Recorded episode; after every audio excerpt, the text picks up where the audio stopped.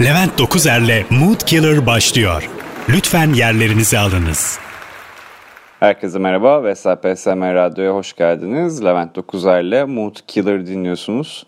Bu hafta modunuzun düşmesi için bana ihtiyacınız yok. Çünkü Bitcoin'e yatırım yapan hepimiz bu hafta oldukça mutsuzuz.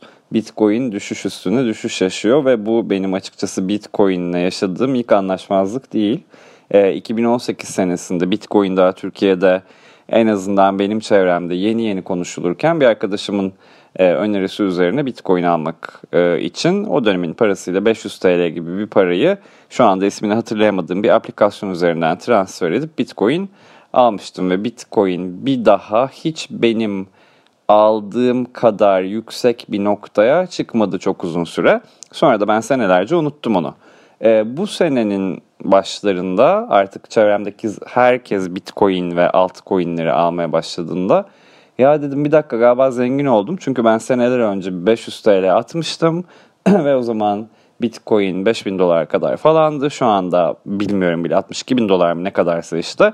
Muhtemelen unuttuğum orada bir 5-6 bin lira para var muhteşem olacak diye girip e, saatlerce uğraşıp o aplikasyondaki şifremi falan e, hatırlayıp açtığımda o 500 TL'yi sadece aplikasyona attığımı ama aslında aplikasyon içerisinde Bitcoin satın almadığımı anladım. Dolayısıyla bu korkunç bir tecrübe olarak e, şu anda kalbimin bir köşesine oturmuş durumda. Neyse dedim tamam okey hala orada bir para duruyor sonuçta. O parayla yeniden üstüne de biraz daha koyup Bitcoin e, alayım ben de bu furyaya gireyim e, çok küçük olan yatırımımın çok küçük bir yüzdesiyle tekrar Bitcoin aldım geçenlerde. Ve yine Bitcoin tarihindeki en yüksek noktasındaydı ve ben satın aldıktan sonra bir daha hiç o rakamlara çıkmadı ve çok sert bir düşüşe geçti. Dolayısıyla Bitcoin'le olan ikinci maceram da oldukça büyük bir hüsranla ve kayıplarla e, devam ediyor. Biz bu konuşmaları yaparken Bitcoin de düşmeye devam ediyor bir şekilde ben bu şeyleri hiç e, anlamadım. Yani ben yavaş yavaş bir şeyleri araştırmaya ve öğrenmeye başladığımda Bitcoin gibi çevremdeki herkes bu işin çoktan ustası olmuş e, ve herkes benim hiç anlamadığım dillerde konuşur duruma gelmişti.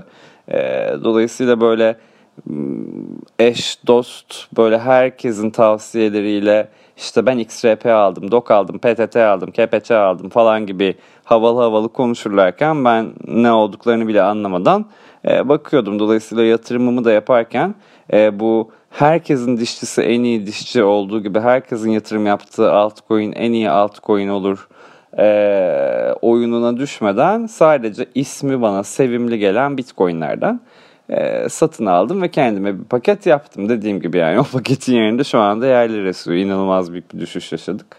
Kendi kendime de sorgulamaya başladım. Yani ben nerede yanlış yaptım? Yanlış kitaplar mı okudum bugüne kadar? Yanlış hobiler mi edindim? Yoksa yanlış bir meslek mi seçtim? Yani insanların e, bu birikimi, bu araştırmacı ruhu, bu kendi kendilerine bir işte usta olma becerileri nereden geliyordu?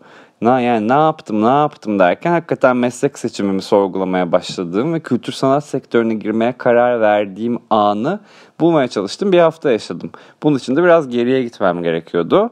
E, maillerime bakayım dedim. Geriye gittiğimde nereye kadar gidebiliyorum ve nasıl bir ipucu bulabiliyorum. Oldukça da geri gittim maillerde ve belki de aslında şu anda NFT olarak satılabilecek ki anlamadığım başka bir konu. E, bir mail buldum kültür sanat sektöründe çalışanlar ya da ilgili olanlar ismini mutlaka biliyorlardır. 2008 senesinde Elif Erdos'la attığım bir mail. Elif şu anda benim hayattaki en yakın arkadaşlarımdan bir tanesi. Ama mail Elif Hanım diye başlıyor. Ve mailde de şöyle yazıyor. 2-3 senelik bir sanatçı rehberliği tecrübem var. Bu iyi bir nokta. Ama benim kültür sanat sektörüne girmeye karar verdiğim bir nokta değil. Dolayısıyla daha geriye doğru gitmem gerektiğini düşündüm. Ve birazcık anılarımı tazelemek üzere kanepeye uzandım. Ee, ben sanatçı rehberliği yapmıştım birkaç sene ama ondan öncesinde de mihmandarlık yaptım.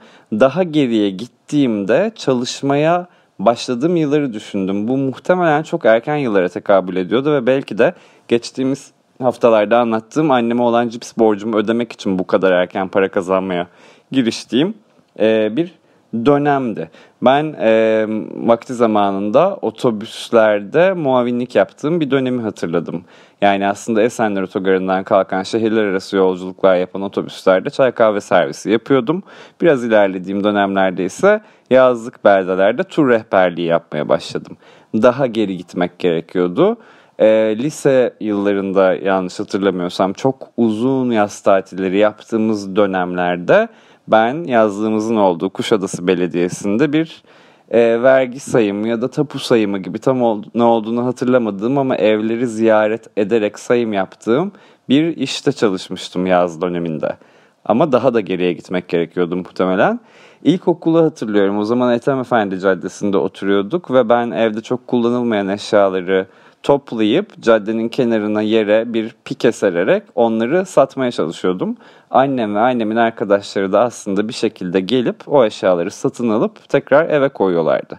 Ama ben bu sayede, sayede sağ cepten alıp sol cebe koyduğum parayla ilkokul döneminde kendi önlüğümü ve ayakkabımı almıştım.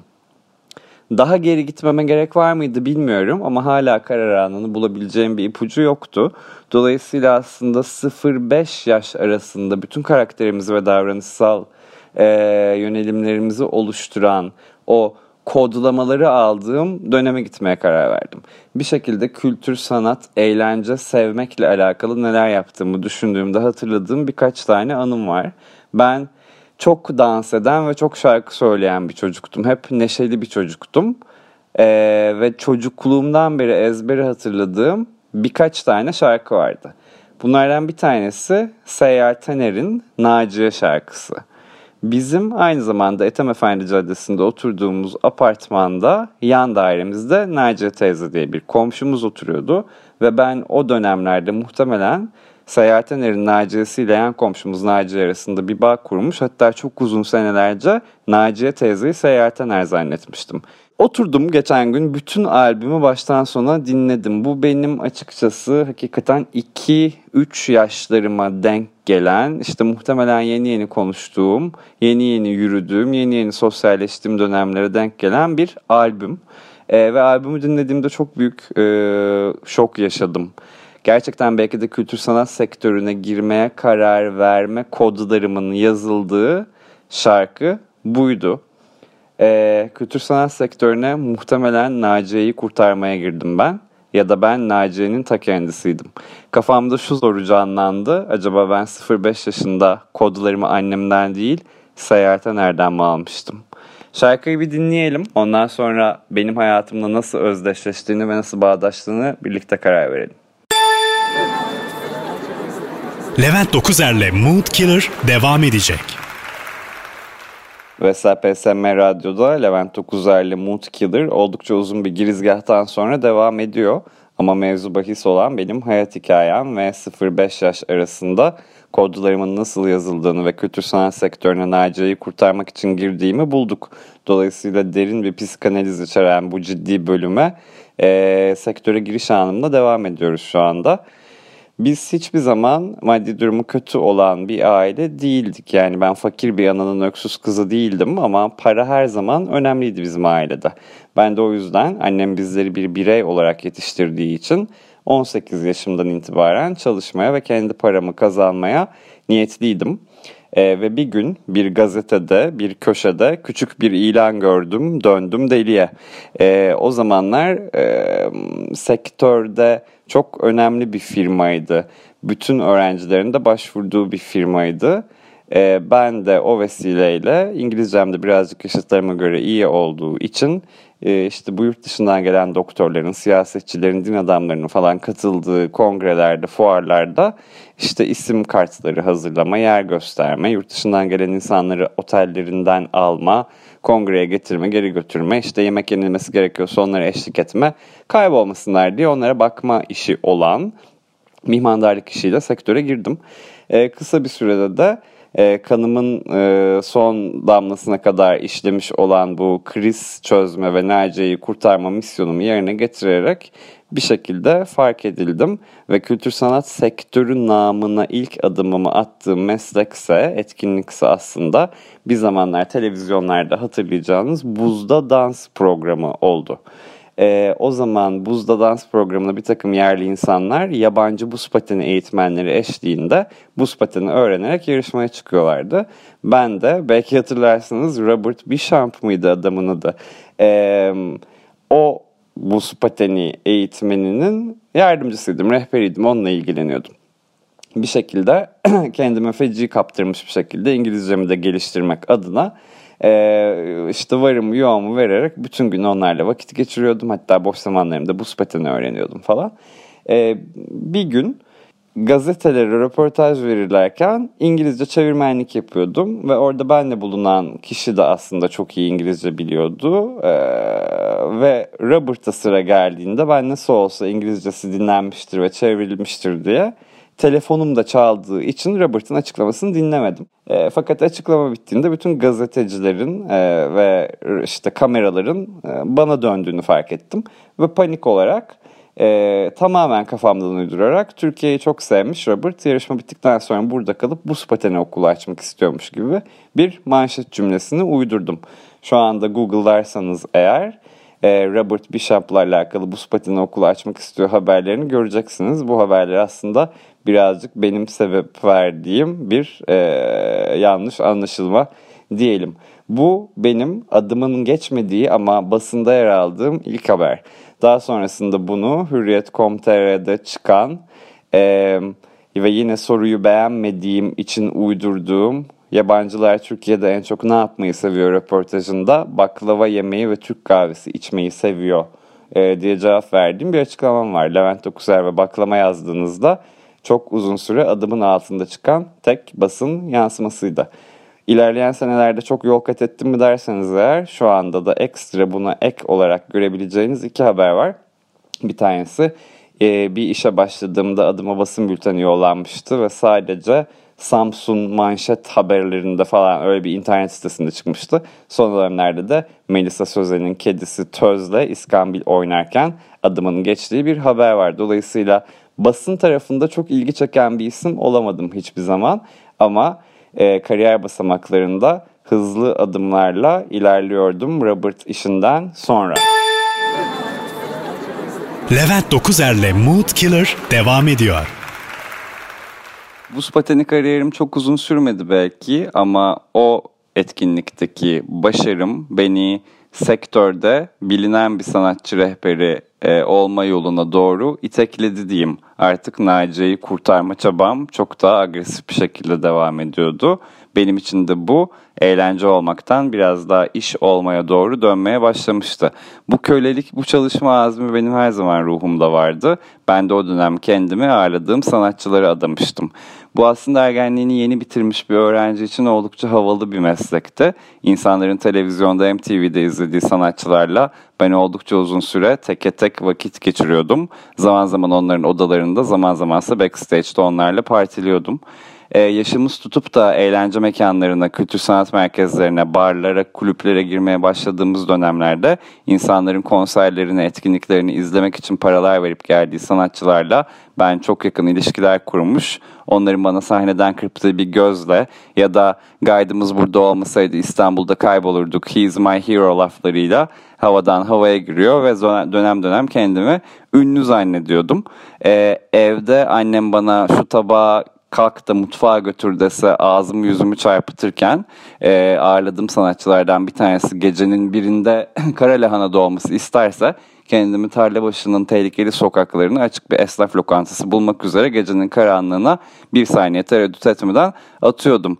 Dolayısıyla oldukça uzun bir süre böyle geçti ve anılar üzerine anılar eklendi. Hatırlarım o dönem Beyoğlu'nda belki 60-70 tane otel odası gezip Nigel Kennedy kalacağı odanın kapılarının içeriden dışarı değil dışarıdan içeri doğru açılmasını istiyor diye e, otel müdürleriyle kıyametler kopartmıştık.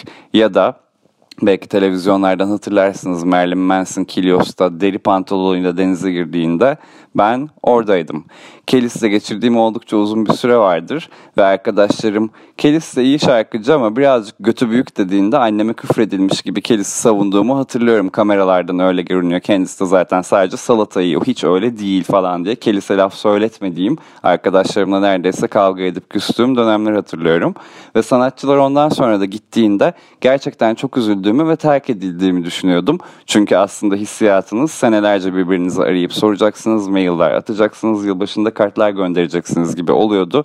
Ama havaalanından uğurlandıktan sonra bir daha hiç kimse birbirinden haber almıyordu. Döndük mü Seyahat Ener'e? Seyahat Ener'in albümünü dinlediğimde aslında başka bir kodumu daha buradan edindiğimi düşünüyorum. Bu özel hayatımda da böyle. Kimle tanışsam, oturup bir kahve içsem ve ondan sonra da eve dönsem gerçekten dört duvar arasında hapsolmuş ve kendimi kahrolmuş hissediyorum. Aynı sanatçı arkadaşlarım beni havaalanında terk ettikleri gibi. Sen Erden ikinci bir şarkı geliyor kod yazılımımla alakalı. Dikkatli dinleyelim. Levent Dokuzer'le Mood Killer devam ediyor. Ve SPSM Radyo'da Levent Dokuzer'le Mood Killer'da taşlar yavaş yavaş yerine oturuyordu. Ee, ben her konuğumu uğurladıktan sonra Seyyar Tener'in Dört Duvar şarkısındaki gibi kahroluyor ve kendimi eve kapatıyor. İş yerinden her yeni telefon geldiğinde de ayrı bir hevesle hangi maceraya atacağımı düşünerek ve karşılayacağım sanatçının karakterine, kimliğine ve yaşam tarzına bürünerek e, evden tekrar geri çıkıyordum. O zamanlar tabii yaşımın da gereği bu gerçeklik dışı işimin, bu fancy hayatımın e, çıktısı olarak bir rock şarkıcısını karşılıyorsam bir rocker gibi, bir pop şarkıcısını karşılıyorsam bir pop star gibi, bir film oyuncusunu karşılıyorsam da kötü bir aktör gibi giyinip ve davranış e, bir tutum sergileyip havaalanına doğru e, yola koyuluyordum. Yavaş yavaş o yaşın getirdiği toylukla bu e, elimdeki gücün farkına vararak bu gücü kötü kullandığım dönemler oldu. Oldukça ukalaydım, oldukça çekilmezdim, oldukça kaprisliydim. Zaman zaman sanatçılardan çok e, şoförlere, restoran çalışanlarına, otel görevlilerine kötü davranmışlığım oldu. Ama hayatta karma diye bir şey var. Tabii ki de bir gün bunlar gelip geri dönecekti bana.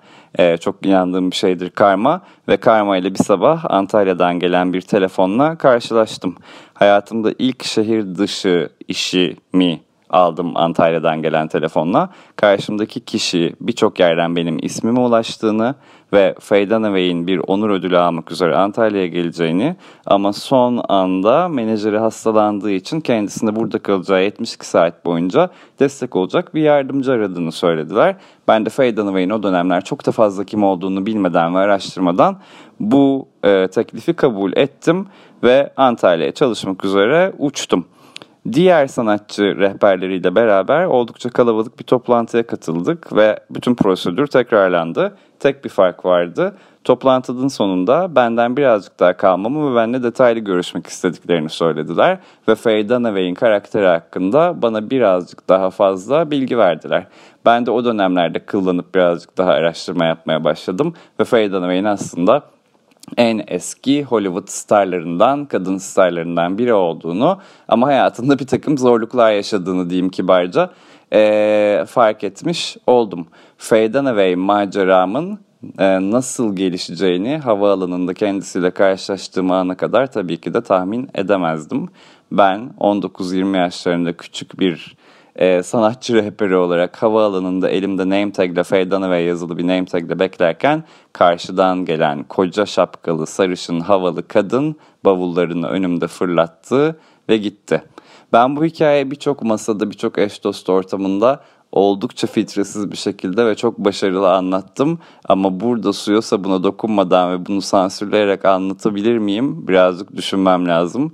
Ben bunu düşünürken siz iki şarkı molası verin derim. Levent Dokuzer'le Mood Killer devam ediyor. Vestel PSM Radyo'da Levent Dokuzer'le Mood Killer'dan tekrar merhaba. Ben aslında sizi bu hikayeyi sondan başa doğru anlatayım. Bu sefer farklı bir kurgu yaparak. 72 saatin sonunda kaldığımız 7 yıldızlı otelin önünde elimde 100 dolarla bir sigara içiyordum. 100 doları bana Faye Dunaway vermişti teşekkür olarak ve hayatımda ilk defa dolarla para kazanıyordum. Ama son 72 saat çektiklerimin karşılığı bence 100 dolar değil çok daha fazlasıydı ki dolar o zamanlar çok net hatırlıyorum sadece 1,5 liraydı. Birazcık geriye gidersek son akşam Faye Dunaway onur ödülünü almak üzere bir kırmızı halı yürüyüşü yapacaktı. Ve kırmızı halıya çıkmadan önce ayakkabılarını değiştirip tahminimce 25 santim kadar topukları olan yürümesi çok zor bir topuklu ayakkabı girdi. O akşam mevcut televizyon kanalları 7 televizyon kanalı vardı. Kırmızı Halı'dan canlı yayın yapıyorlardı. Ve Faye Dunaway gülümseyerek ki normalde gülümsemeyen bir kadın onlara poz veriyordu. Bense Kırmızı Halı'nın yanında Oldukça şık bir kıyafetle fakat kolumda Dore çanta ve elimde Faye Dunaway'in diğer topuklu ayakkabılarla kendisine eşlik ediyordum. Bu Dore çanta son 72 saat boyunca benim kolumdaydı. Dolayısıyla aslında otel çalışanları, festival görevlileri ve Antalya halkı o Dore, çant Dore çantayı gerçekten benim Dore çantam sanıyordu. Birçok insan için ben Dore çantalı çocuktum. Çünkü bu seyahat esnasında Faye Dunaway'in Dore çantasını taşımakla ben yükümlüydüm. Eğer festival e, yürüyüşü esnasında kırmızı halının üzerinde Feydane ve 25 santimlik topuklarıyla tökezlemeseydi bu Dore çanta sırrımız, bu küçük sır Antalya halkı ve benim aramda kalacaktı ve kimse bilmeyecekti. Fakat tökezleyen Feydane ve benden yardım istediğinde Dore çantam ve topuklu ayakkabılarımla kendimi kırmızı halıya atmak durumunda kaldım ve 7 tane canlı yapan televizyon kanalı beni çekti. Faye Dunaway oldukça samimiyetsiz bir şekilde bana sarılıp biraz önce bahsettiğim He is my hero lafını kullandı ve beni Türk televizyonlarına tanıttı. O esnada ise Türk televizyonlarını izlememesi gereken herkes, bütün tanıdıklarım izliyordu. Eğer 100 doları bu yüzden hak etmediğimi düşündüğümü düşünüyorsanız çok yanılıyorsunuz. Biraz daha geriye dönelim isterseniz. Ben havaalanından Bey'in bavullarını alıp otel odasına geldiğimde gerçekten oldukça ilginç bir manzarayla karşılaştım. Çünkü otel odasında dolapta durması gereken bir takım şeyler kafama doğru fırlatılarak duvarda patlıyor ve Faye Dunaway bana çok spiritual bir diyeti olduğunu ve şu anda mutfağa inip otelin mutfağındaki sebzeleri buraya getirmemi söyledi. Kendisi tek tek sebzelerin nasıl doğranacağını bana göstererek spiritual diyetinin tarifini verecekti. Beni bir kez daha bir basın haberinde görüyorsunuz yine adım olmadan. Faye Dunaway ve brokoli krizi. Şimdi eğer Google'a Faye Dunaway ve brokoli krizi yazarsanız okuyacağınız hikaye tam olarak benim suratıma fırlatılan brokolileri anlatıyor.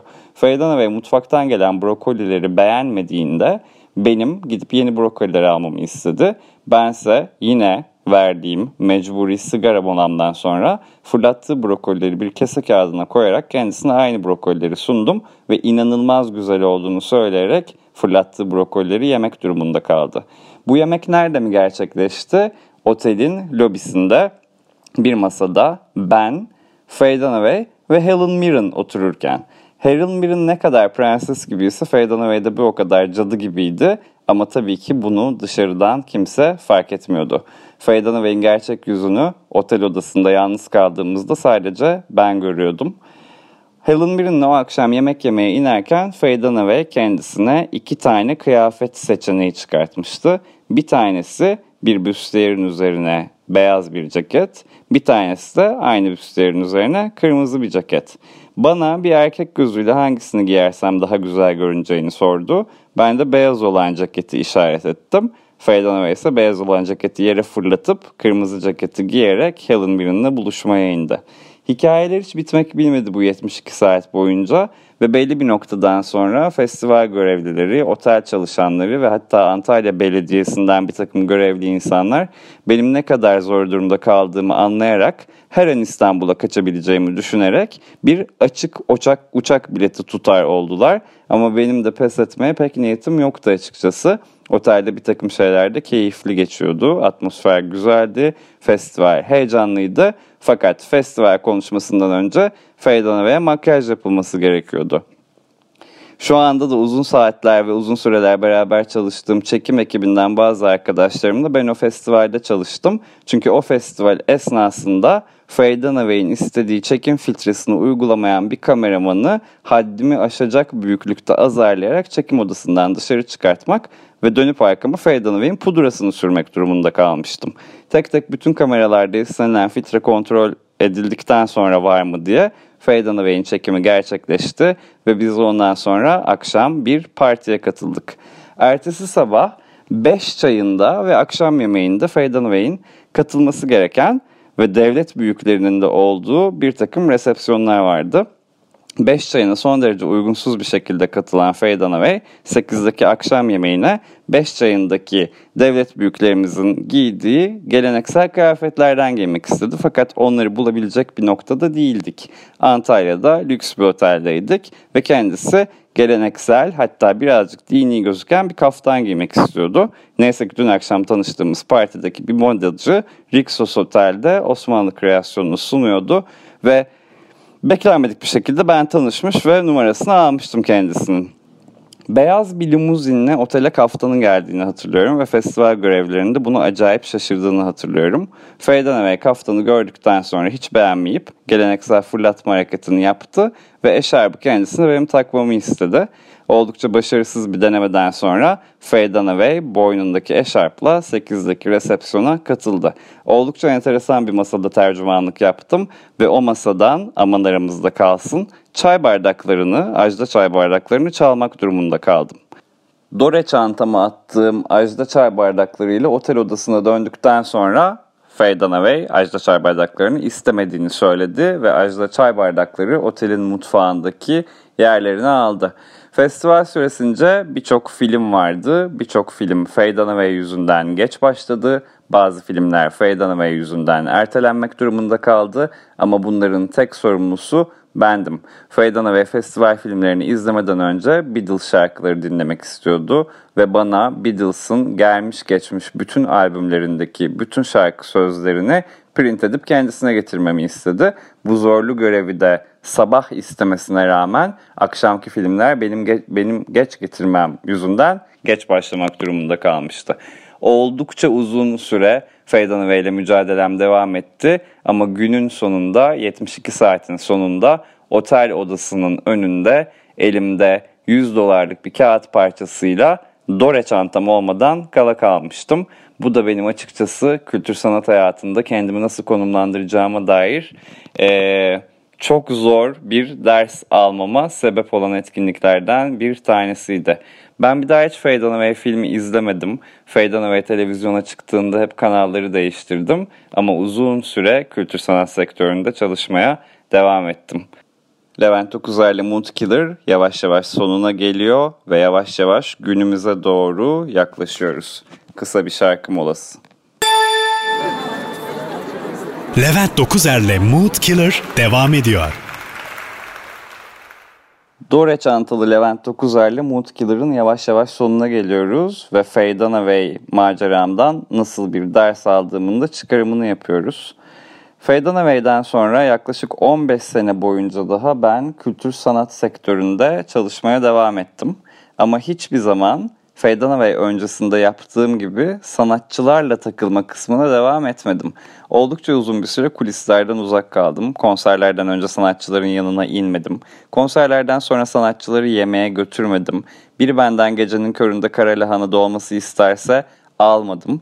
Brokoliler beğenilmeyip suratıma fırlatırsa o brokolileri alıp geri fırlattım. Dolayısıyla zaman zaman iş tanımım gereği de beni sanatçılardan uzaklaştırdılar ve kariyerim kültür sanat sektöründe pazarlama tarafına doğru evrildi. Buna sebep olan ilk yine de Feydanave sağ olsun Banu Tunçay'dı. Çünkü Feydanave ile olan mücadelem sonrasında sesim duyulmuş ve o zamanın en önemli kültür sanat kurumlarından bir tanesi olan Pozitif ve Babylon tarafından bana bir iş teklifi gelmişti. Daha önce de bahsettiğim gibi bu iş teklifini ilk canım Elif Erdost ama o zamanlar Elif Hanım olan patronumla yapmıştım. Eğer Feydana ve beni o zaman elimde Dore çanta ve topuklu ayakkabılarla kırmızı halıya çekip He's my hero demeseydi ben farklı bir sektöre yönelip şu anda kripto paralar konusunda çok deneyimli, altcoin'leri çok iyi anlayan, Çok iyi bir finans okur yazarı olur muydum bilmiyorum. Ama şu andaki sektörümden de, şu andaki iş hayatımdan da açıkçası pişman değilim.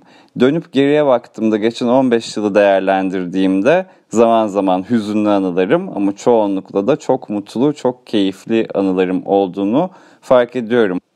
1986 yılında Seyyal Tener, Leyla isimli bir albüm çıkarıp Naciye diye bir parça yaptığında o zamanlar yeni yeni yürümeye başlayan, yeni yeni konuşmaya başlayan bir bebeğin bütün hayatını şekillendireceğini düşünmüş müydü bilmem ama Seyyal Tener'e olan hayranlığım yüzünden yaklaşık 23 yaşındayken annem bir yaz tatilimizde Seyyal Tener sahne aldığında beni çıkarıp sahneye Seyyar Hanım'la beni tanıştırıp küçükken Naciye şarkısını nasıl söylediğimin taklidini yaparak beni rezil etmişti. Seyyar Taner'le olan sınavım hiçbir zaman bitmedi. Bu akşam da sizlerle bu macerayı açıkçası paylaşmak istedim. Programı kapatırken o zaman Seyyar Taner'den bir alıntı yapalım. Şans bu. Programı dinlediğimiz süre boyunca Bitcoin düşmeye devam etti. Umarım bu hafta morallerimiz Bitcoin'den daha hızlı düşmez. Pazartesi sendromunuz kutlu olsun. Haftaya görüşmek üzere. Herkese iyi akşamlar. Levent Dokuzer'le Mood Killer sona erdi.